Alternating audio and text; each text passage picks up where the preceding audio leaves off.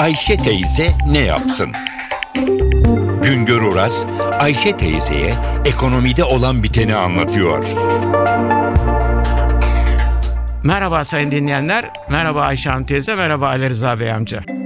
İş makinesi üreten bir Türk firması Japon şirketinin Tayland'daki iş makineleri üretim tesislerini satın aldı. Anlaşmaya göre aynı zamanda yabancı kuruluşun tasarım, know-how ve satış sonrası hizmetleri de Türk firmasına geçecek. 2013 yılının ilk 10 ayında 13 firma yurt dışında değişik üretim tesislerini satın aldı. Bu çok önemli bir gelişme. Satın alınan tesisler ve firmalar İtalya, Amerika Birleşik Devletleri, İspanya, Avusturya, Hindistan, Hırvatistan, Sırbistan, Kazakistan, Kolombiya, Meksika gibi değişik ülkelerde bulunan tesisler. Biz bugüne kadar hep yabancı sermaye Türkiye'ye gelsin, yatırım yapsın diye bekliyorduk. Şimdi bizim yatırımcılarımız da yurt dışında yatırım yapmaya, yurt dışından firmalar satın almaya başladılar. Bu çok önemli ve iyi bir gelişmedir. 2012 yılında yurt dışında Türklerin yatırımı 4,3 milyar dolar oldu.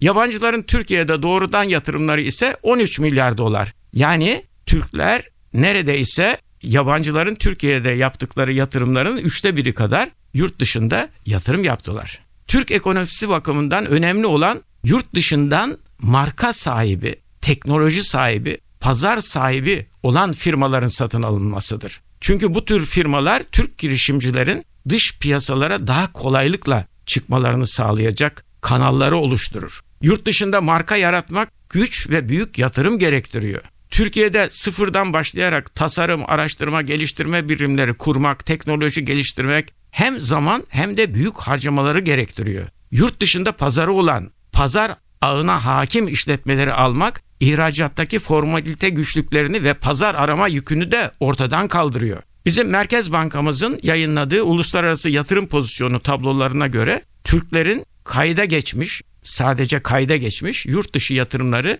2012 yılı sonu itibariyle 27 milyar doları aştı. Büyük ölçekli yatırımlarda ağırlığı finans sektörü yatırımları oluşturuyor. Tekstil üreticilerimizin, giyim eşyası üreticilerimizin yurt dışında firma almaya öncelik vermeleri beklenirken bu sektördeki girişimciler maalesef başarılı oldukları alanlarda yatırım yapacak yerde kendi sektörleri dışına çıkıyorlar, inşaat kesimine para aktarıyorlar.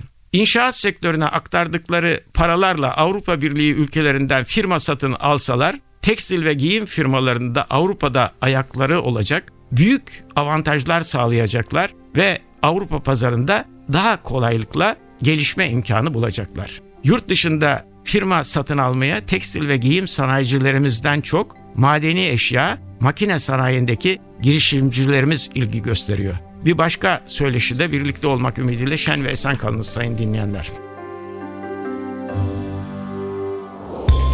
Güngör Uras'a sormak istediklerinizi ntvradio.com.tr adresine yazabilirsiniz.